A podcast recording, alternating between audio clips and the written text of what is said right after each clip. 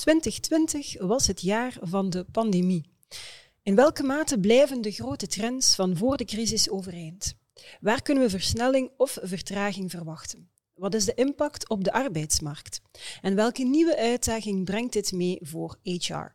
Heel veel vragen. Maar één ding is zeker: what got us here won't get us there. Waar HR vroeger een binnenschip was op een kanaal, kan je nu maar beter leren raften, want dat kanaal is veranderd in een onstuimige rivier. Maar het goede nieuws is: je staat er niet alleen voor. Samen met Frank van der Zijpen, directeur HR Trends en Insights bij Securex, ga ik in deze HR Talkshow op zoek naar antwoorden. En daarvoor kruipen we met ons twee in het hoofd van HR-verantwoordelijken en zaakvoerders van Vlaamse KMO's. En we toetsen onze bevindingen daarbij telkens aan de wetenschap, want in elke aflevering schuift er ook een onderzoeker mee aan. Welkom in het post-corona-tijdperk waarin gezonde, competente, geëngageerde medewerkers en sterk leiderschap het verschil zullen maken. Want dat is volgens ons de sleutel om als organisatie succesvol te zijn. Vandaag, morgen en overmorgen. Hoe zorgen we ervoor dat mensen langer willen, kunnen en mogen werken? En hoe kan HR, of liever het mensbeleid, want Frank heeft het niet zo graag over HR, daar concreet toe bijdragen? Welkom in deze HR Talkshow.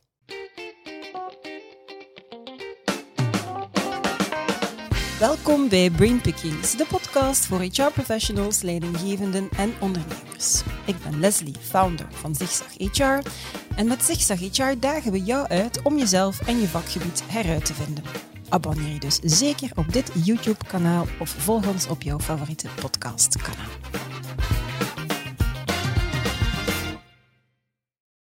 Dag Frank, daar ben je weer. Goedemiddag. Mijn sidekick, goedemiddag, aflevering 2 ondertussen. Vorige keer um, hebben we het erover gehad wat nodig is opdat mensen langer kunnen werken. We hebben daarvoor naar de actualiteit gekeken. We hebben dat afgetoetst bij de praktijk. We hadden toen Biede Bakker van de Camino-groep um, op bezoek. En zij heeft ons toen verklapt op welke knoppen dat zij duwt om te garanderen dat medewerkers zich fysiek, mentaal, sociaal en financieel goed voelen. En we hebben die HR-praktijken ook getoetst aan de wetenschap. Hè, want Cedric uh, Velge van de Vigor Unit was er ook bij. Vertel, wat hebben de mensen die de vorige aflevering niet gezien hebben, wat is zo het belangrijkste inzicht dat, dat bij jou is blijven plakken uit die eerste aflevering?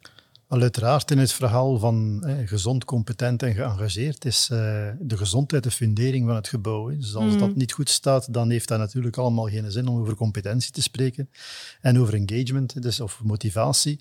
Um, ja, die gezondheid is superbelangrijk. Het gaat hem inderdaad over de fysieke gezondheid, en dat is in een aantal gevallen ook een issue, maar misschien nog meer over de mentale gezondheid mm. vandaag. Dus we hebben gesproken over het feit dat we bijna een half miljoen langdurig zieken hebben, dat de vergrijzing daar wel iets mee te maken heeft, maar niet alles verklaart.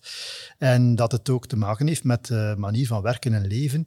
En dat de rol van de leidinggevenden om daar iets aan te doen, um, op een preventieve manier, het niet te ver laten komen, zeer belangrijk is. En ik meen me ook te herinneren dat we gezegd hebben, let op om die werknemers ook te beschouwen als zijnde een homogene groep met mhm. gelijkgestelde verwachtingen en behoeften, want uh, zo is het niet. niet nee. uh, dus dat was voor mij een notendop waar we het over gehad hebben. Oké, en de mensen die benieuwd zijn naar meer, moeten dan maar eens naar die aflevering Inderdaad. gaan luisteren of gaan kijken. Hè. Um, goed, we hebben, uh, we hebben uh, opnieuw heel fijn volk uh, rond de tafel hier verzameld. Hè. Gezonde, competente, geëngageerde medewerkers, die maken het verschil.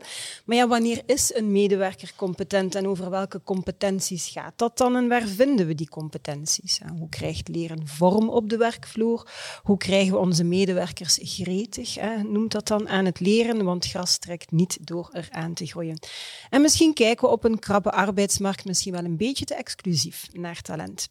Denken Vlaamse KMO's voldoende out of the box bij het zoeken naar talent en competenties? En hoe kunnen we dat talent verbinden met organisaties? Wel, we gaan dat meteen uitvinden, want we hebben vandaag Christel Seimus bij ons uitgenodigd, CEO van Planet Talent. En met hun ecosysteem koppelen ze talentvolle starters met ambitieuze bedrijven die op zoek zijn naar jong, digitaal talent. Dat heb ik goed begrepen. Dat klopt. Oké, super. Zeg een keer, Christel, denken jullie bij Planet Talent out of the box? Ja, wanneer is het voldoende nee, om out of the box te denken? Dat is maar de vraag. Uh, ik geloof graag van wel. Mm -hmm. uh, dat wij, wij doen het in elk geval regelmatig, out of the box denken. Niet alleen uh, wat betreft recruitment, maar ook wat betreft de processen en onze manier van werken. En ik merk dat dat wel belangrijk is om dat mm mensen ook te leren om dat samen te doen. Anderzijds merk ik ook dat je dat ook een beetje moet managen. Mhm. Want ik geloof ook heel erg in het voortdurend aanbrengen van incrementele verbeteringen. Ja. En je kunt niet altijd met een wit blad beginnen, want dan bouw je ook niks kwalitatief niet meer op. Mhm. En dan merk ik wel dat als je met jonge mensen werkt, die zetten graag de dingen naar hun hand. En dat je ook moet keuzes maken van wanneer gaan we nu eens echt out of the box iets doen en wanneer gaan we, is, is het goed genoeg hoe we dat het aan het doen zijn en hoe kunnen we dat nog verbeteren. Dat evenwicht Beetje zoeken. Ja, ja, ja. ja. Oké. Ehm, naast Christel schuift ook uh, professor Philippe de Fruit, psycholoog aan de UGent, mee aan. Philippe, wat is talent eigenlijk? En kijken we daar in een organisatiecontext misschien niet een beetje te eenzijdig naar, naar dat talent? Ja, dat is een pertinente vraag natuurlijk. Je kan talent uh, op zeer verschillende manieren gaan definiëren. En wanneer je dat bijvoorbeeld aan de jeugdtrainer van een voetbalploeg zou vragen, um, die gaat zeggen, ja, talent is iets wat we observeren mhm. in een jongere, um, maar tegelijkertijd um, mikt men ook eigenlijk op doorgroeimogelijkheden en op groeimogelijkheden. En ik vind mhm. dat een, eigenlijk een goede insteek, ook de insteek die HR eigenlijk een beetje moet nemen. Talent kunt je definiëren eigenlijk als een geheel van vaardigheden, kennis, attitudes die iemand geeft, maar tegelijkertijd zit daarnaast ook het groeipotentieel. Mhm. Dus dat legt het gewicht niet alleen bij de werknemer, maar legt het gewicht ook aan de kant van de organisatie. Ja. Of in het geval van de trainer, de trainingen die hij of zij mhm. moet organiseren. Zodanig dat dat talent eigenlijk ook eh, kan bloeien, kan groeien, kan ontwikkelen. Ja. Mhm. Dus ik denk dat het belangrijk is om talent eigenlijk zowel aan de kant van het individu te identificeren en te definiëren, maar ook tegelijkertijd eh, te kijken talent groeit en talent zit in een context. Hè. En dat kan een organisatie zijn, maar dat is eigenlijk ook de context van het individu zelf. Hè. Eh, in de vorige podcast, in de samenvatting, kwam ook aan bod, hè, levenslang leren, dat idee. Hoe, hoe doen we mhm. dat? Hè? Uh, mensen gezond houden, men, mensen ook mentaal oké houden, mentaal scherp houden. Maar een van de elementen is ook uh, persoonlijk groeien. Ja. ja. ja. En het tweede luik van uw vraag, kijken we niet wat te eenzijdig naar mhm. talent. ik, ik, denk dat als ik daar naartoe kijk, uh, zie ik daar twee minpuntjes aan. Aan de manier waarop dat tegenwoordig uh, te veel bekeken wordt. Ik denk dat we de lat vanuit HR dikwijls te hoog leggen. Als ik mhm. bijvoorbeeld bepaalde jobadvertenties lees, uh, waar ik zie dat men eigenlijk uh, 9, 10, 11 verschillende criteria opsomt waaraan iemand moet voldoen, dan denk ik, oei, dat gaat mensen afschrikken. Ja. ja? En je verliest eigenlijk twee keer de organisatie verliest omdat mensen uh, niet kandideren. Die zeggen, oei, dat is hier uh, te breed geformuleerd mhm. voor mij. Ik voldoe daar niet allemaal aan. Ik voldoe, ik voldoe misschien maar aan drie of vier van de talenten die daar worden opgezond. Hè. Maar er staan er ook nog zes, zeven andere bij. Ja. Dus ik denk dat we een beetje meer uh, modest moeten zijn, een beetje meer bescheiden zijn in termen van de manier waarop we dat formuleren, zodanig dat we voldoende mensen aantrekken. Dat is één belangrijk ding. Mhm. Het tweede belangrijk is natuurlijk dat als mensen niet komen, dan gaan ze ook niet ontwikkelen. En dat is het tweede probleem. Dus het is niet vast voor de organisatie of voor uw bedrijf, maar tegelijkertijd is het niet vast voor de betrokkenen, hè, die, die zoekende zijn op de arbeidsmarkt. Ja. ja?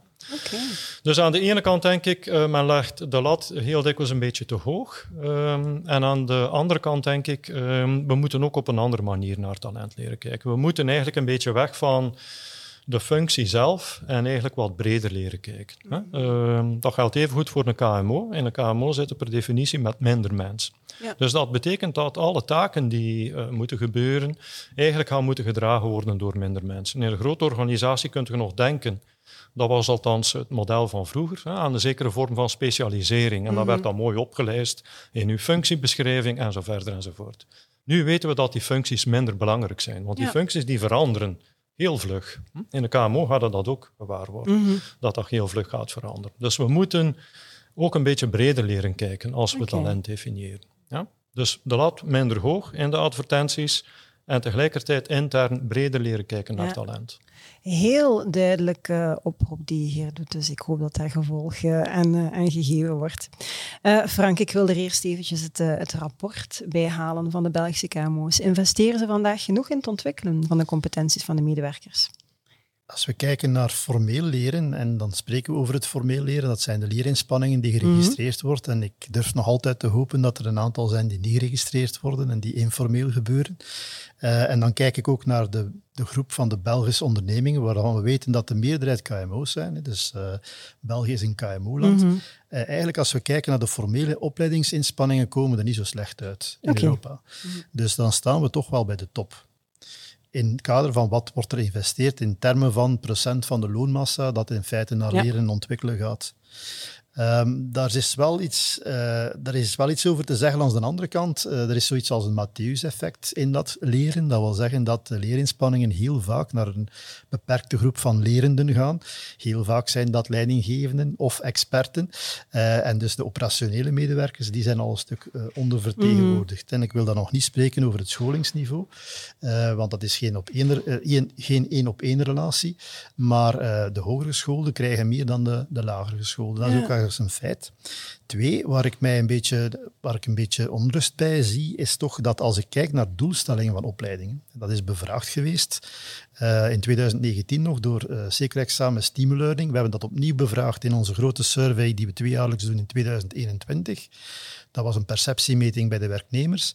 Dan zien we toch dat in beide metingen meting bij de werkgevers en werknemers, in feite uh, toch wel gezegd wordt, die opleidingen staan in, eerste plaats, in de eerste plaats in functie van de huidige job ja. en de huidige functie.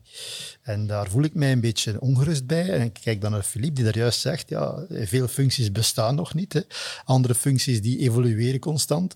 Dus als je dan, als je dan bijvoorbeeld de cijfer ziet, dat 70% van de werkgevers verklaart dat zij opleiding verstrekken eh, met als doelstelling mensen in hun huidige job te verbeteren en niet breder te kijken dan dat, Dan, dan ben ik daar toch een beetje ongerust uh, Dat loopbaandenken zit er nog niet echt in. Dus dat is de tweede eh, vaststelling. De derde vaststelling, in de survey van Zekerrex 2021 zie ik ook, als wij werknemers bevragen over uh, dat loopbaandenken. En ik weet dat dat natuurlijk allemaal een beetje wishful thinking is. Uh, je kunt daar wel een idee over hebben. Of dat zich dat gaat realiseren, dat weet je niet.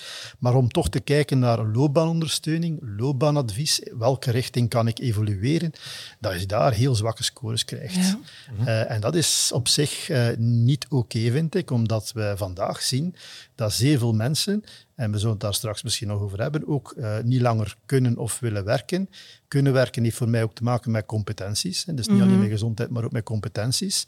Um, want ik vind dat heel mooi. Ik heb dat al gezegd, denk ik, in de voorbereiding op een zeker moment. Hè. Dus uh, uh, men zegt altijd, ja, mensen zijn het belangrijkste kapitaal van een organisatie. Door, door de ervaring heb ik daar anders leren naar kijken en zeg ik, nee, mensen zijn niet het belangrijkste kapitaal mm -hmm. van een organisatie. Competenties zijn ja. het belangrijkste kapitaal van een organisatie. En op het moment dat mensen niet meer mee kunnen in verhaal, mm -hmm. ja, dan hebben ze 30, 35 jaar dienst, maar dan zullen ze toch bedankt worden voor bewezen diensten, omdat ze, daar, omdat ze voor het bedrijf op zich geen waarde meer hebben. Ja. Hoe erg dat het ook klinkt. Dus dat zijn toch dingen die mij wat verontrusten in dat opleidingsverhaal en dat uh, leerverhaal. Maar nogmaals, ik hoop dat de formele leerinspanning niet het volledige plaatje dekt en dat er ook mensen zijn, en, en hopelijk veel, die, die leerinspanning leveren die niet uh, te traceren zijn mm -hmm. of zeer moeilijk in termen van uh, euro's of in termen van tijd. Ja, oké. Okay. Zeg, als het dan gaat, want inderdaad, die uitspraak, hè, dat, dat het niet de mensen zijn, maar de, ja, de competenties zijn die het belangrijkste zijn. Als ik dan uh, bij jou vraag, Christel, wat, wat, zijn volgens jou zo de competenties die heel belangrijk zijn of die nog aan belang aan het, aan het winnen zijn nu?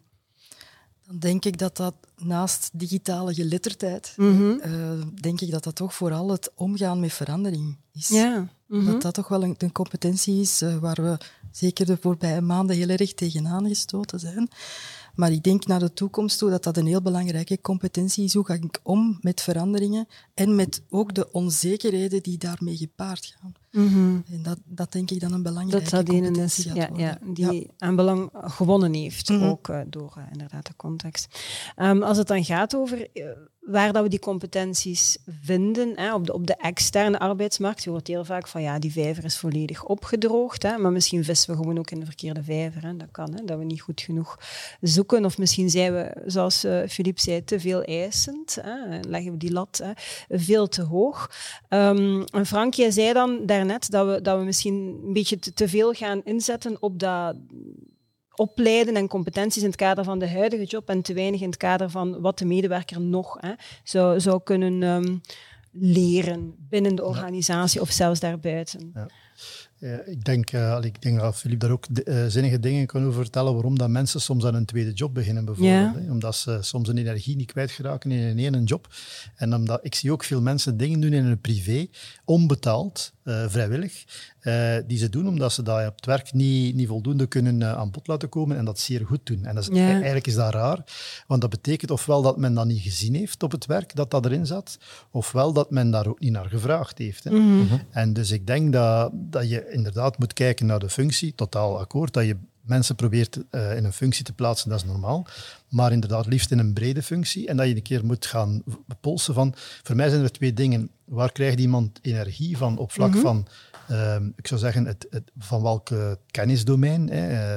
Dat kan sport zijn, hè, wat, om het even. Dat kan marketing zijn, dat kan communicatie zijn, dat kan, ik weet niet wat, politiek zijn, whatever. Hè.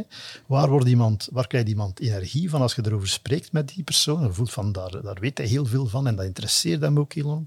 En welke rol kan die persoon aan? Is dat mm -hmm. iemand die eerder zich profileert in een expertenrol? Is dat iemand die ook leiding zou kunnen geven? Is dat iemand die zelfs consultant zou kunnen zijn? En daar moet je toch gaan, gaan, gaan aftoetsen, want wat je eigenlijk wil, is iemand, uh, zoals men dat in de film zegt, in, in, een goede rol krijgen, een goede casting krijgen. Ja. En dan, denk ik, is leren een evidentie. En dan gaan we niet meer moeten spreken over upskilling en reskilling, maar dan gaat leren een evidentie zijn vanuit nieuwsgierigheid. Ik wil dit weten, ik wil dit kennen, want dit intrigeert mij.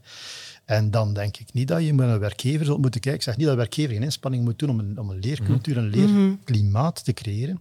Maar het zal niet aan de werkgever zijn om te zeggen, nu moet je daar naartoe gaan. Of nu moet je dat volgen. Nee, het zal je werknemer zijn, die zal bij u komen, ik zou dit graag ik zou, doen. Ja, ja, ja. En dat is een veel sterkere driver, denk ik, dan, uh, dan een cataloog met opleidingen die je moet volgen of die je kunt volgen, waar je geen keuze in kunt maken. Ja, ja omdat er te veel is, mm -hmm. effectief soms ook. Ja, ja. Omdat je dus, uh, we kennen allemaal het, uh, het verhaal van HR van vroeger, dat die mensen in klaslokalen verplichten naar opleidingen te gaan. En we waren zeer ontgoocheld wanneer dat we vaststelden dat men er eigenlijk niks mee deed. Mm -hmm. Ik denk dat we daar toch wel iets uit geleerd hebben, hopelijk. Ja, dat, dat, dat durf ik wel denken van wel dan. Filip, je hebt daar ongetwijfeld zinnige dingen over te vertellen, zegt Frank. Wij luisteren vol spanning.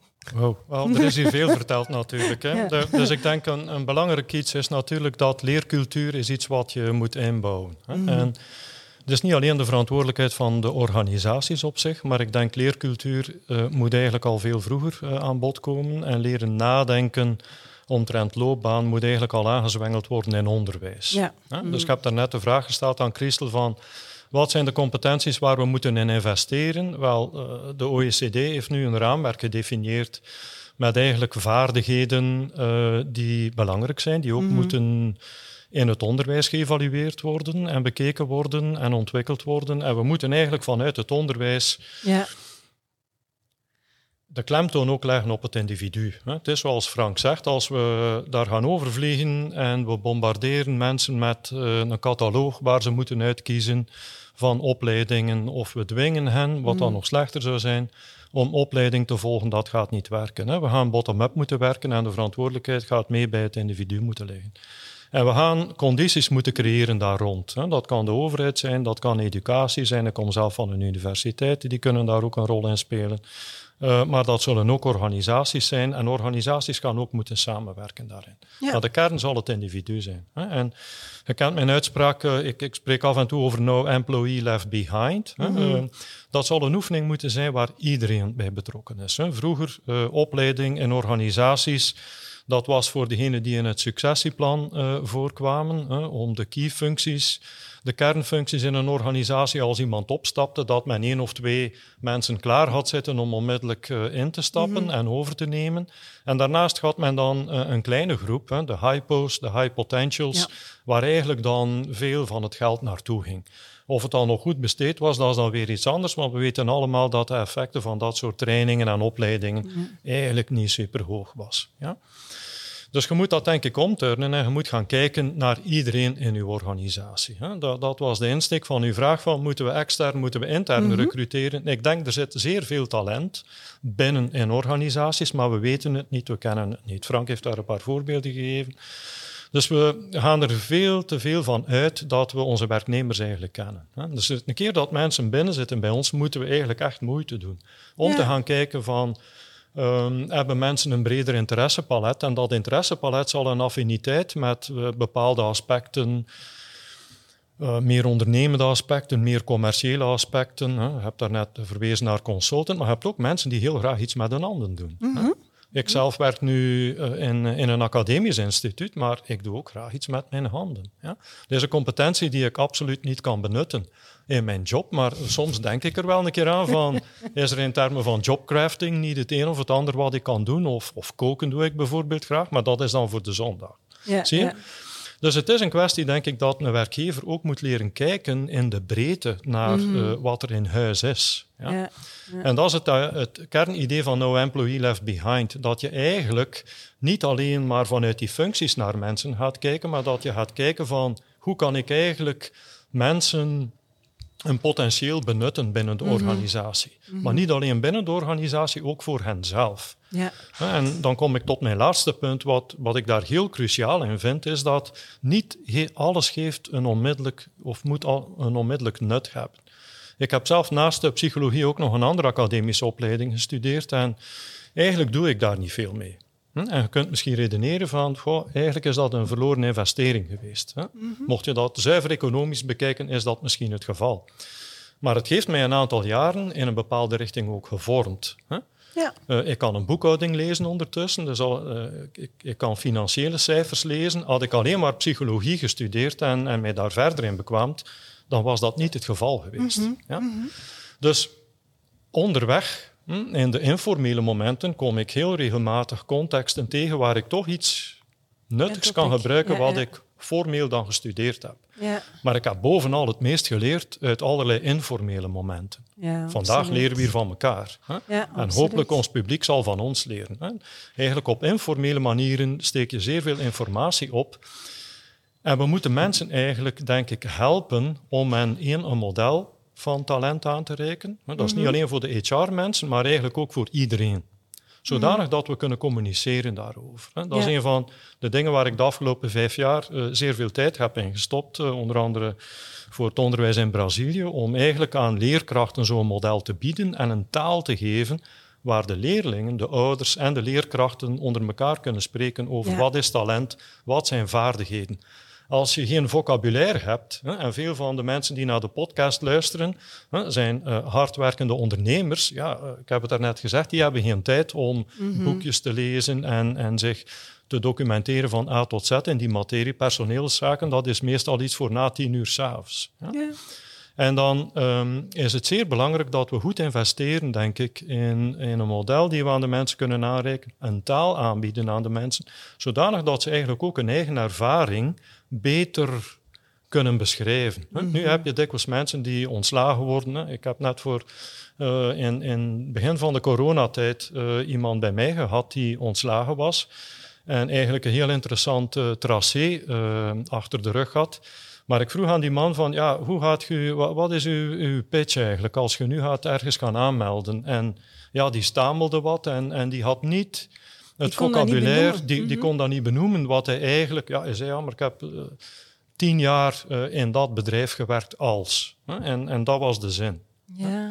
Terwijl als je aan mensen een vocabulaire aanleert, hè, dan, dan gaat men meer nadenken, wat kan ik, wat wil ik ontwikkelen, mm -hmm. hoe ga ik mij aandienen op de arbeidsmarkt en zo verder. Dus er is een lange weg nog te gaan, maar ja. allee, ik denk, we, we, zien allerlei interessante zaken en, en het is iets wat er van heel vroeg in moet. Hè. Ja. Onderwijs moet, moet dat aanbrengen, dat moet ook in de eindtermen geraken en dat moet op die manier doorcijpelen naar de arbeidsmarkt, waarbij mm -hmm. eigenlijk elk individu uh, achter het stuur van zijn eigen wagen zit. Ja, ja, ja. dat is inderdaad de bedoeling. Daar zijn we vooralsnog nog, nog niet. Maar ik uit effectief, ja, die vocabulaire, je moet het effectief kunnen benoemen. Ja. Uh, en dat betekent ook dat je gaat luisteren en dat je dan proactief naar de mensen ook toe gaat. Dat is iets dat we denk ik in de eerste aflevering ook, uh, wie heeft dat ook een paar keer benadrukt, van als het toen ging over welzijn, van ga naar de mensen toe, mm-hmm. denk niet dat je het in hun plaats moet gaan doen of denk niet dat je het weet voor hen.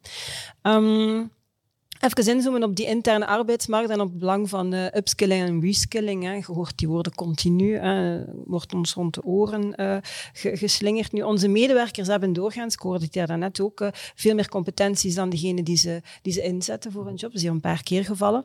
Um, Christel, als je dan kijkt naar um, bij Planet Talent, zijn mensen zich daar voldoende bewust, vind je, van het belang van leren? Zitten zij aan het stuur van hun loopbaan? Wij werken voornamelijk met jonge starters. Mhm. En die komen nog van school, dus leren zit daar nog heel, nog erg van, van, voor, eigenlijk, zal ik mhm. zeggen. Dus die zijn heel erg gemotiveerd om te leren. Uh, zijn ze zich allemaal even bewust van het feit dat ze aan het stuur moeten zitten? Dan nog niet mhm. helemaal. Uh, maar en dat zit ook heel erg in onze, in, onze aanpak, in onze aanpak om hen dat te tonen van leren is veel meer dan getraind worden.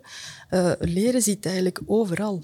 Uh, je kunt op elk moment van je, van uw tijd, of dat dat nu in je job is of in uw vrije tijd, kun je dingen leren. Het is mhm. een kwestie van ja, een soort van ra leerradar op te mhm. zetten, waardoor je eigenlijk bijna continu aan het leren bent.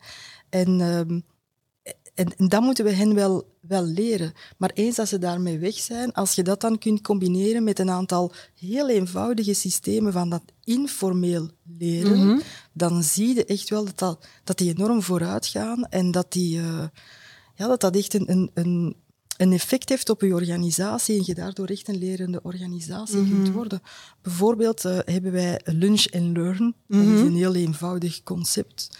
Uh, in het begin hebben wij dat zelf georganiseerd, maar we hebben dat heel snel kunnen loslaten. En dan zie je eigenlijk dat die jonge mensen zelf zeggen ah, ik heb een boek gelezen, ik ga een lunch en learn daarover doen. Dat is mhm. heel laagdrempelig, dat kost niks. Dat zijn niet altijd skills die ze de dag erna gaan gebruiken. Maar wij merken wel dat als je aan je inzetbaarheid wilt werken, en je hebt dat er juist ook gezet, niet alles wat ik geleerd heb, heb ik direct kunnen mhm. toepassen. Maar dat is vandaag de dag ook niet meer belangrijk, omdat die contextuele kennis, mhm. dat gaat u wel toestaan om snel nieuwe dingen te leren ja. en om beter te begrijpen wat er gebeurt in de wereld. Mhm. en, en op die manier gewoon breder inzetbaar te zijn in de, in de veranderende wereld. Dus daar zetten wij ook uh, heel erg op in. Oké, okay. je prikkelt ook de nieuwsgierigheid eigenlijk daarmee een beetje hè, door, door die acties. Want volgens mij zelfs, uh, Frank, heb ik, ik weet niet meer welk van, van, van de collega's binnen Securex het was, maar jullie hadden een gelijkaardig concept. Ben aan het denken aan de naam, het was niet Lunch and Learn speelplaats of leerplaats of ja, zoiets. Was iets, zoiets gehad. Ja. Uh, of hebben zoiets wat. Uh, of, of nog is, ik, ik weet het niet, ik spreek over een, een, een tijdje terug, maar ik herken het concept van mensen die zelf uh, goesting hebben om iets te delen en anderen die goesting hebben om daar iets van te leren, ook al is het niet specifiek binnen een context van toepassing op dat moment in die job. Ja, en collega's die, die op een heel laagdrempelige manier iets willen binnenbrengen. Hè, want ja. Um, allee, dus dat hebben we nog niet expliciet vernoemd, maar het gaat allemaal zo snel en de mm kennisvernieuwing is zo snel. En of je nu in een, in een eh, beroep zit als uh, expert of als technicus, je moet gewoon mee met de stroom. En uh, ik zie dat ook intern. We hebben daar juist gesproken over digitale skills. Wel, x aantal jaren terug, wanneer dat er iets in gebruik werd genomen, informatica-wise, en dan werd er een opleiding gepland van een halve dag. En dan werd je van A tot Z gezegd hoe dat je dat moest gebruiken, wanneer en, en op welke manier. En nu, dat staat er gewoon op. En men zegt, het is ter beschikking. Hè. Mhm. Plug and play, doet er je goesting mee, prutst er een keer mee. En dus eigenlijk wat men dan noemt vandaag aldoende leren. Mhm. En dus of dat, dat de meest efficiënte allee, methode is die je dus toepast, dat weet je niet. Maar uh, iemand zal je dan wel een keer zeggen, van, hoe doe jij dat? Doe je dat zo? Wacht, ik ga je een keer iets mhm. tonen. En het is dat soort leren, maar je moet daar inderdaad kunnen voor openstaan en, die, en, en uw, uw geest voor openzetten. Laat mm dat maar komen. Mhm. Eh, ik denk dat er veel zijn, en niet alleen mensen uh, die in de herfst van een loopbaan zijn, die, die heel veel weerstand creëren tegenover alles wat nieuw is. Hè. Maar uh, het is in het dagelijks leven ook zo. Als je mhm. vandaag je wagen parkeert en naar een parkeermeter gaat, het is niet meer zoals vroeger. Als ik in een, als ik in een hamburgerrestaurant binnen ga en ik wil een bestelling doen, het is niet meer gelijk vroeger. Dus ofwel laat je dan naar u komen en zeg we gaan een keer proberen. Hè. En misschien maken we ons wel belachelijk, maar je probeert het of je zegt, dat doe ik niet. Mhm. Ja. En je hoort soms mensen, ik doe dat niet. Maar je zondert u af uit de maatschappij dus uiteindelijk. die, die, uh, die uh, ja, weerstand die je moet overbruggen en zeggen van ja, ik, moet, ik, moet dat hier, ik moet dat hier kunnen. Hè. Ik, moet Ja. dat- ik moet mee zijn. En kijk naar mijn ouders, hè. die zijn eh, in de 80 jaar. Mijn vader heeft hem ook eh, eigen gemaakt om met eh, internetbanking te werken. Mhm. En mijn schoonvader helemaal niet. En dat zijn mensen van dezelfde generatie. Dus het gaat over inderdaad hoe dat je je opstelt ten opzichte van alles wat op ons afkomt. En dat steeds sneller op ons afkomt. Ja. En hoe belangrijk ze het dan ook voor zichzelf vinden om Ja. dat te willen of te kunnen eh, onder, onder de knie krijgen. Maar je hebt ook weinig keuze. Hè? Het is ook allemaal geconnecteerd met elkaar. Ja. Hè? IT was de insteek, maar jij brengt daar het financiële. Hè? Ja. Financial literacy, eh, alles gaat over de telefoon. Parkeren, eh, ongeveer. Dus alles komt ook samen op een gegeven Mhm. moment. En je dreigt dus eigenlijk eh, naar een generatie te komen. Als je nee zegt op iets, val je uit, niet alleen maar op één front, maar Ja, val je eigenlijk uit op zeer verschillende fronten en Ja. word je Mhm. compleet afhankelijk. Ja. Ja, ja. Dus er is enorm veel push eigenlijk van, vanuit de snelheid waarmee dingen op ons Mhm. afkomen en hoe ook alles onderling geconnecteerd is. ja, ja, ja. Maar ik denk dat je ook als bedrijfsleider daar een belangrijke rol in kunt spelen om het doorbreken van die mentaliteit van ik ken het niet, dus ik durf het niet proberen, eh, want dan ga ik af. Of, of die, die, de vroegere generaties die zijn heel erg opgehemeld omwille van het feit dat ze alles altijd wisten. ja, ja. En ik denk dat je daar als, eh, als leidinggevende wel een voorbeeld kunt geven door gewoon het zelf ook niet altijd te weten. Mhm. En, en dat, als dat op een bepaald moment normaal is, dat je het ook niet weet en dat je Ja. aan een jonge collega moet vragen op welk knopje moet ik nu drukken, dan Ja. gaat het dat, dat wel kunnen Ja. doorbreken. Mhm. Zeg, en zit daar dan ook, ik dacht dat je daarnet het woord, ik, ik, ik, haalde er toch het woord durven uit, dat, dat we het eigenlijk niet durven. Dus misschien zit die weerstand, is die weerstand niet zozeer van ik wil het niet, maar ik durf het niet omdat ik bang ben dat ik, dat ik het niet ga kunnen of dat ik iets verkeerd ga doen, dat ze mij gaan uitlachen. Ik moest denken aan uw verhaal in, in eh, de fastfoodketen, als ik dan met mijn dochter binnenkwam en ik was op weg naar de toonbank en ze zei van hier, en ik, oh oh. en dan, ik voelde zelfs naar mijn dochter toen we zeiden van oké, niet laten merken, maar ga gewoon op de knop. Dus is, is het dan durven, schaamte of, of, of kan dat ook spelen? Ik heb daar natuurlijk geen onderzoek naar gedaan, maar ik, ik denk dat wel. Ja. Dat, eh, dat, eh, dat, dat Bestaat daar onderzoek voor? Of, eh, of Denk, over voor zover mij bekend niet, maar allee, dat speelt zeker mee. Hè. Ja, Eh, ja. We weten allemaal dat, dat mensen die wat meer angstig zijn en wat minder open-minded, dat zijn twee van die skills Ja. die in dat OECD-model zitten. Ja. Ja. de combinatie daarvan is niet goed. Hè. Angstige mensen hebben schrik van nieuwe dingen en Ja. closed-mind mensen die zeggen nee tegen nieuwe dingen. Dus Ja. de combinatie daarvan ja, plaatst u eigenlijk bijna buiten de samenleving. Ja, hè, ja, op heel korte tijd. neer. Ja. Ja, absoluut. Ik, ehm, ik hoorde nu daarnet ook het woord, Christel, eh, lerende organisatie. We moeten er een lerende organisatie van maken. Leercultuur heb ik hier ook al eh, gehoord.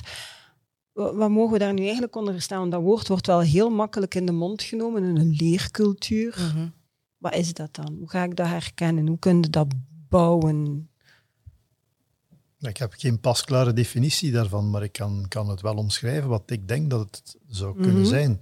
Het is in elk geval ehm, een, een omgeving, en of dat er een bedrijfsomgeving of een andere omgeving, waar dat een context gecreëerd wordt waar dat je moogt en kunt leren, eh, en waar dat niet beperkt wordt in wat je eh, moogt en kunt leren, en waar je ook fouten moogt maken. hè. Mhm. Want eh, je zegt het daar juist, hè. Ik, heb, ik ben bang dat ik een fout ga maken. Ja, als je een fout maakt, leert uit je fout. Ja. En als je geen fouten mocht maken, dan, dan, dan geloof ik niet dat je in je leercultuur zit. hè. Als je Mhm. op de eerste keer dat je iets fout doet, wordt eh, bij wijze van spreken aangesproken en op een, op een manier dat je zegt van eh, ik ga dat niet meer doen, maar ik ga dat gewoon niet meer tegenkomen. Terwijl als je in een, in een omgeving zit waar men zegt van kijk, fouten maken, dat hoort er nu eenmaal bij. Eh, uiteraard is dat niet leuk, dat is niet leuk voor ons, dat is niet leuk voor jou, maar leert daar iets uit. Ik denk dat dat een heel sterke driver is van een leercultuur, los van wat je dan... Je kunt dan zeggen van hoeveel budget is er om te leren en wat mag je leren en dan is er een catalogus. En, dus ik kijk ook altijd naar, eh, als je kijkt naar leren in een organisatie of in een bedrijf, en dat wordt ook heel soms ingeperkt. Hè, dus eh, iemand wil iets leren dat compleet buiten zijn scope ligt, maar die is echt ge- gemotiveerd om dat te doen. En wat ga je daar dan mee doen? Als men bij u komt als bedrijfsleider of als, als eh, leidinggevende, ga je dan zeggen, ja, maar, hè, want, maar wordt er altijd van uitgegaan, ja, maar die, die wil dat volgen tijdens de werkuren. Wie zegt dat die dat wil volgen tijdens de werkuren? Misschien wilde dat volgen buiten de werkuren of gedeeltelijk in de werkuren. Misschien is het ook gedeeltelijk nuttig voor het werk. Of voor zijn toekomst in het bedrijf. En moeten we dat dan financieren? Dat is dan de tweede vraag. Of moet dat niet gefinancierd worden? Of kunnen we daar ook over praten? Op welke manier? Dat is voor mij ook eigen aan een leercultuur, dat je die vraag wat de vraag ook is rond leren, die komt van het individu, dat je die ontvankelijk verklaart en dat je ja. daar luistert en zegt, mhm. oké, hoe gaan we dat hier nu aanpakken, zodanig dat wij er iets aan hebben uh, en zodanig dat die persoon dat kan volgen, want die is gemotiveerd om dat te mhm. doen. En of dat nu tijdens of buiten de werkuren is, betaald of niet betaald, dat zijn dingen die we moeten uh, bespreken en die gaan we bekijken. Ja. Maar de ontvankelijkheid om, om, open te staan voor een vraag rond leren, dat lijkt mij zeer belangrijk tweede driver van een leercultuur. En misschien zijn er nog, maar mm dat zijn er bij mij mhm. twee die bij mij heel, heel hard uh, binnenkomen. Dan. Zijn er nog drivers voor leercultuur? Ik denk aan uh, wat uh, Philippe net zei over een, um, een soort van vocabulaire om te praten over talent. ik denk dat dat ook kan, kan bijdragen mensen weten niet altijd van waar zijn mhm. mijn competenties, omdat niemand hen dat ooit gevraagd heeft. Maar als je je leidinggevende leert om daar regelmatig korte gesprekken over te hebben met eenvoudige vragen zoals wat geeft u nu energie en wat nu niet. En uh, maak eens een lijst van de competenties die je eigenlijk wel hebt en laat ze dat eens delen onder collega's. Dat zijn eigenlijk heel eenvoudige oefeningen, mhm. maar dat maakt ze wel zelfbewust van uh, wat ze kunnen en wat ze eventueel dan kunnen delen en wat ze nog meer in je organisatie kunnen brengen. En dat zet hen ook op weg om waar, waar wil ik dan nog meer van leren? Of, of wat vind ik wel tof, maar dat ken ik nog niet? En op die manier kun je ook echt wel een leercultuur gaan, uh, gaan stimuleren. Oké, ja, heel helder. Philip, jij? wij zetten uh, de afgelopen jaren heel sterk in op interesses van mensen. Hè? Mhm. Om, en vooral interesses proberen open trekken van mensen. Hè? We gaan er verkeerdelijk van uit dat iedereen daar een goed zicht op heeft. Maar mhm. dat is niet zo. De meeste van ons die hebben intuïtief wel een idee van wat ze graag doen. En we doen dat dan ook. We kiezen een job of, of we kiezen een andere job. Maar je zit weer binnen een bepaald straatje. Hè? Sommige mensen zijn wel geïnteresseerd in verschillende dingen. Maar omdat ze nu eenmaal in straat A gekozen hebben met een job en daar stopt het, hè, mhm. eh, blijven ze maar verder in straat A zoeken, in, in huizen in straat A. Terwijl je kunt even goed richting straat B gaan misschien. Hè, uh, om dus ik denk, dat is, dat is een heel belangrijke. Mm uh, dat je eigenlijk uh, mensen hun opties gaat verbreden en dan kun je, gelijk dat Christel zegt, gaan kijken van, heb je bijvoorbeeld, als je het vocabulaire hebt, kunt je aan de mensen vragen van, we gaan nu een keer een oefening doen om te kijken of jij nu de competenties hebt om in mhm. straat B te werken. En is dat niet het geval, wat denk je daarover? Hè? Ja. En, en dan, dan kun je daar iets mee gaan doen. En uh, Frank uh, heeft een heel goede analyse gemaakt, denk ik, hè, van wat een leercultuur in een organisatie kan inhouden. Dat betekent dat je niet alleen naar work performance kijkt. hè. Mhm. Ik zou de klemtoon daar een beetje van weg willen en, en gewoon meer future-oriented willen. En kijk naar leerperformance. Dat eigenlijk iedereen voor zich, en dat hoeft niet alleen maar leren te zijn die direct te maken heeft met de job. Hè. Dus nog een keer het punt beklemtonen van niet alles moet onmiddellijk verzilverbaar zijn. Mhm in de long run, en dat is denk ik wat wij uit de neuropsychologie weten, is je moet blijven leren. Als je iets niet gebruikt, dan zijn het kwijt. In termen van, van... In de zin dat ook een spier is, gelijk... Dat, exact. Ja. Ehm, gelijk iemand die in een woonzorgcentrum uh, gaat gaan wonen, hè? hou die maar ook fysiek actief. Moedig die mensen maar aan om verder uh, de actualiteit te volgen, de krant te mhm. blijven lezen, de media te volgen. Dat prikkelt gaan allemaal. Ja?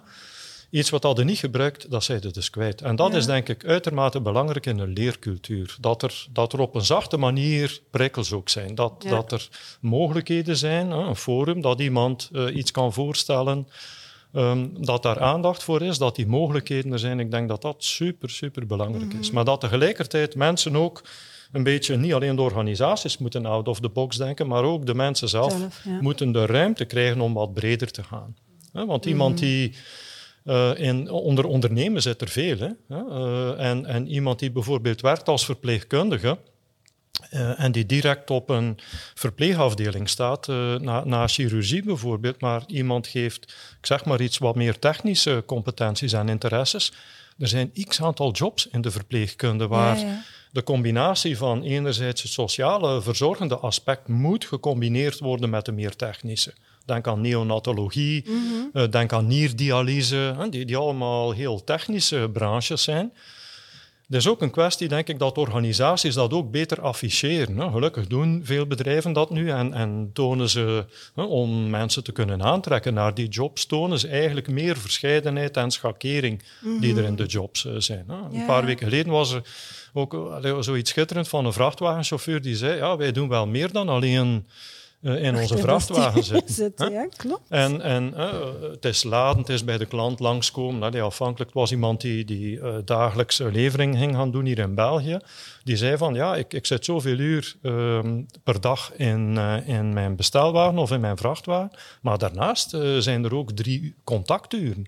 Mhm. Het zijn met klanten, het zijn uh, s ochtends uh, in, in het depot om te laden uh, en zo verder. Ja, ja. En dat laat zien dat er in veel van de jobs die we doen, dat er ook zeer veel variabiliteit en variëteit zit. Ja. En dat is denk ik wat organisaties ook meer moeten tonen. Mm -hmm. die mogelijkheden een stukje, een stukje concreet maken, effectief tastbaar bijna maken. En ze dan... Ik, ja, wat, wat, wat, prikkelen hoorde ik jou daarnet zeggen. Zo, zo wat kleine, eigenlijk, zo wat nieuwsgierig maken. Het doet mij ook denken aan waarover we het gehad hebben in de eerste aflevering, nudging. Hè, dat je eigenlijk mm de context zo gaat creëren dat mensen makkelijker in, in, die richting geduwd gaan worden. En dat is misschien iets, en dat is wel een laatste vraag dat ik, uh, dat ik graag aan jullie wil uh, naar voren schuiven.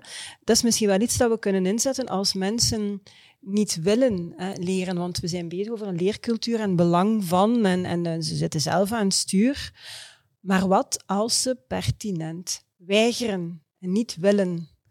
Op welke knoppen kan je dan duwen? Is dan nudging daar een oplossing uh, voor? Of, of ja, wat, wat, kunnen we dan nog doen? Je kunt ze toch niet zomaar aan de lot overlaten en zeggen van doe dan maar helemaal niks. Ik denk dat we als bedrijfsleider of als leidinggevende, eerst stap één is uh, mensen bewust maken van belang.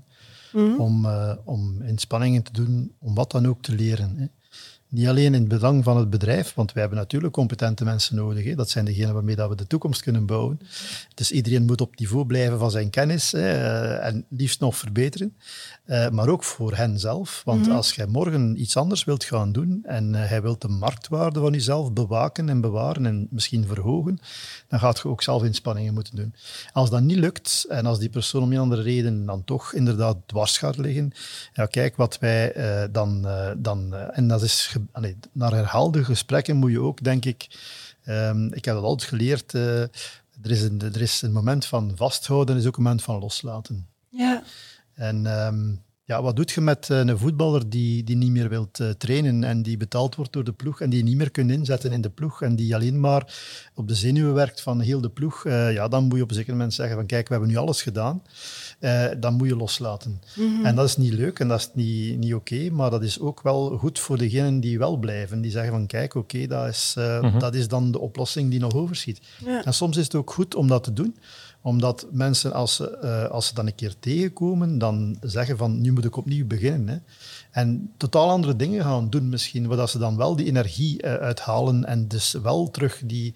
Hè, en dus dat is goed. En ik denk dat ons systeem, dat is een beetje politiek en ik weet dat, maar ik wil dat toch meegeven en ik denk dat jullie dat ook herkennen, dat wij in feite, ons systeem veel te veel is... Uh, is gebouwd op het vastzetten van mensen.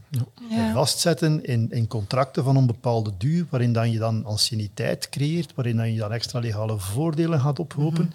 waardoor dat je ook in een job zit waar dat je eigenlijk zegt van het interesseert me niet meer, want die job die ik toen heb opgenomen, x aantal jaar terug, is totaal veranderd. Ik ben veranderd en mijn bedrijf is veranderd. Wij horen eigenlijk niet meer samen. Maar goed, uh, de stap zetten naar iets anders, dat is bedreigend, want ik mm -hmm. weet dat mijn marktwaarde niet meer oké okay is. Wat ga ik dan nog vinden? Misschien ga ik minder verdienen, ik ga geen bedrijfswagen hebben. En wij zetten mensen vast. Ja. En dus in die discussie moeten wij toch een keer nadenken of we dat op geen andere manier kunnen aanpakken. En ik hoorde deze week, en jullie waarschijnlijk ook, over het voorstel om dus mensen die vrijwillig opstappen toch een werkloosheidsuitkering te geven. Mm -hmm. Daar is daar heel, mm -hmm. is er heel erg op gereageerd vanuit mm -hmm. werkgeverskringen. Maar ik denk dat het idee op zich niet zo stom is als men dat beperkt in de tijd. Ja, ja, ja. En als men zegt van kijk, we geven mensen die uitgeblust zijn de kans om te herbronnen en een tweede adem te vinden en iets anders te gaan doen. En we gaan, ze, we gaan zorgen dat ze niet te veel verliezen ondertussen. Mhm. Ik ga daar niet... Ik denk dat eh, professor De Fruit dat veel beter kent. Dat is de prospecttheorie. Wij hebben veel meer schrik van wat we verliezen dan ja. dat we zouden kunnen winnen als we dat doen. Maar bon, dit is nu eenmaal het systeem waarin dat we zitten en ik hoop dat we daar ook uh, durven een keer uh, over nadenken. Dat is dan misschien niet de KMO-leider of dat is niet de bedrijfsleider, maar dat is dan de overheid en het systeem dat eigenlijk toch wel een mhm. keer goed moet herdacht worden. Ja, en dat is sowieso een realiteit waar menig KMO-leider ongetwijfeld mee geconfronteerd ook wordt. Hè? Medewerkers die soms vastzitten. Nog afsluitende bedenkingen langs jullie kant? Absoluut. Wat ik zelf ook uh, ondervonden heb, en ik zie dat ook bij collega's, dat wij in zo'n situatie heel erg geneigd zijn om heel veel energie te steken in dat ene individu dat niet meedoet. Mm En ik denk dat dat eigenlijk fout is. Ik denk dat het veel beter is dat je veel meer energie moet steken in verhouding tussen degene die, de toplerers, die moeten de meeste van je aandacht krijgen.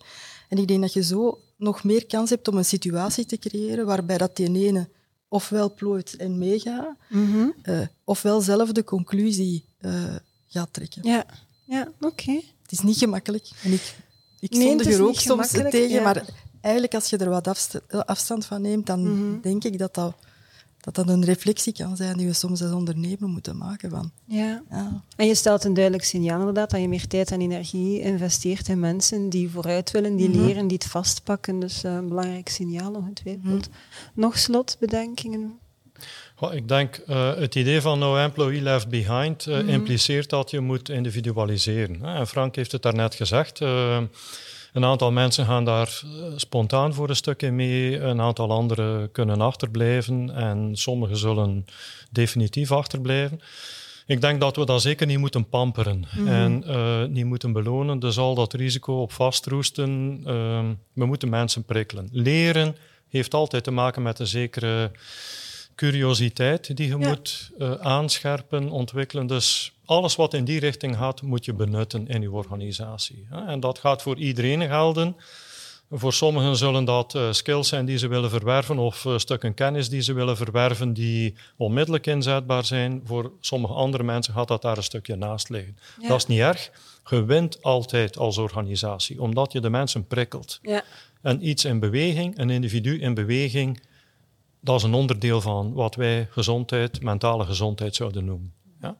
Dus dat is denk ik uh, een heel belangrijke. En het impliceert, hè, uh, het is niet one size fits all hè, in uw aanpak. Uh, dat is denk ik iets waar HR een beetje door moet. Hè. Heel dikwijls denken wij, ehm, we doen een programma.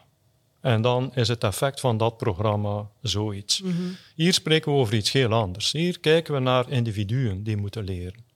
Ja. Het is simpel gezegd, mijn vader zou altijd gezegd hebben van uh, graag werken, graag leren. Dat is de samenvatting. Ja? Mooi. En, en in de tijd misschien zou je gezegd hebben van graag werken, dat is al belangrijk. Hè? Maar nu komt daar denk ik ook graag, leren, bij. Hè? En voor ieder van ons moeten we denk ik naar uh, een drietal punten gaan. Het is een soort crafting at the job, mm -hmm. crafting at home, omdat we meer en meer werk en privé gaan moeten integreren mhm. met elkaar. Thuiswerken is daar één voorbeeld van. Maar ook crafting at career. Als we erin slagen om die drie bij de mensen aan te brengen, de mensen te prikkelen op de job, hoe je dat combineert met thuis en, en, hè, en hoe je dat combineert voor je individuele carrière, mhm. dan zijn we denk ik op de goede weg. Dan zijn we er. Het klinkt simpel, het zal niet zo simpel zijn. maar het is, een heel mooi, het is een heel mooi beeld, een heel mooi perspectief. Het allerlaatste woord, Frank, is voor jou. Ja, ik kan alleen maar beamen natuurlijk. Hè. Ik denk dat we heel lang en, en niet zo uh, ver verleden dachten dat het leven eigenlijk is een stukje leren en dan gaan we werken en dan gaan we in pensioen. En dan gaan we ontspannen en dan gaan we de dingen doen wat we eigenlijk, uh, wat we eigenlijk graag doen. Hè. Uh, en die volgorde was het heel vaak. Hè. Dus de vorige generaties hebben zo geleefd. Hè. wij gaan waarschijnlijk allemaal langer werken. En we hopen allemaal ooit in pensioen te kunnen gaan. Maar ik denk, en ik zag ooit een tekening, het was van een Australische studie, ik vond dat heel mooi. En die had die drie fasen eigenlijk geklikt. En dat is, dat is eigenlijk een, een synchroon verloop van, we gaan, nee, we gaan dus niet na elkaar die dingen doen, maar we gaan die door elkaar doen. Dus we gaan leren, we gaan dus ook een stukje werken ertussen en we gaan ook proberen ontspanning te vinden. Mhm. En we gaan dus niet kijken naar wanneer gaan we in pensioen, maar we gaan proberen op een, op een bewuste manier met dat leven om te gaan. Hè. Dus uh, um, ik vond dat, uh, allez, dus je kunt dat nog illustreren met een heel mooie spreuk die ik uh, onlangs gezien heb. Het komt uit het boeddhisme. De weg is het doel. Mm ja. En niet uh, het pensioen is het doel. De weg is het doel. De weg naar. En ik denk als we daarin slagen om die drie dingen te verbinden met elkaar, zodanig dat je ook terwijl dat je werkt, leert en leeft en kunt ontspannen en je kunt genieten, ja, dan zijn we een stuk in de goede, in de goede richting aan het werken, denk ik. Oké. Dat is 45 minuten levenswijsheid. dank je wel uh, daarvoor. Dank je wel uh, dat ik in jullie hoofd mocht kruipen. Dank je wel, Frank, dat je samen met mij in het hoofd wil kruipen van onze gasten. Kijk al uit naar de volgende aflevering. Voilà, de tweede aflevering van onze HR Talk Show zit er in ieder geval ook alweer op. We zijn gestart met heel veel vragen. Hopelijk hebben jullie toch ook best veel antwoorden gekregen. En we hebben goed nieuws, want er zal nog een derde aflevering aankomen. Dan kruipen Frank en ik opnieuw in het hoofd van een HR-verantwoordelijke van een Vlaamse KMO en schuift er opnieuw een onderzoeker mee aan.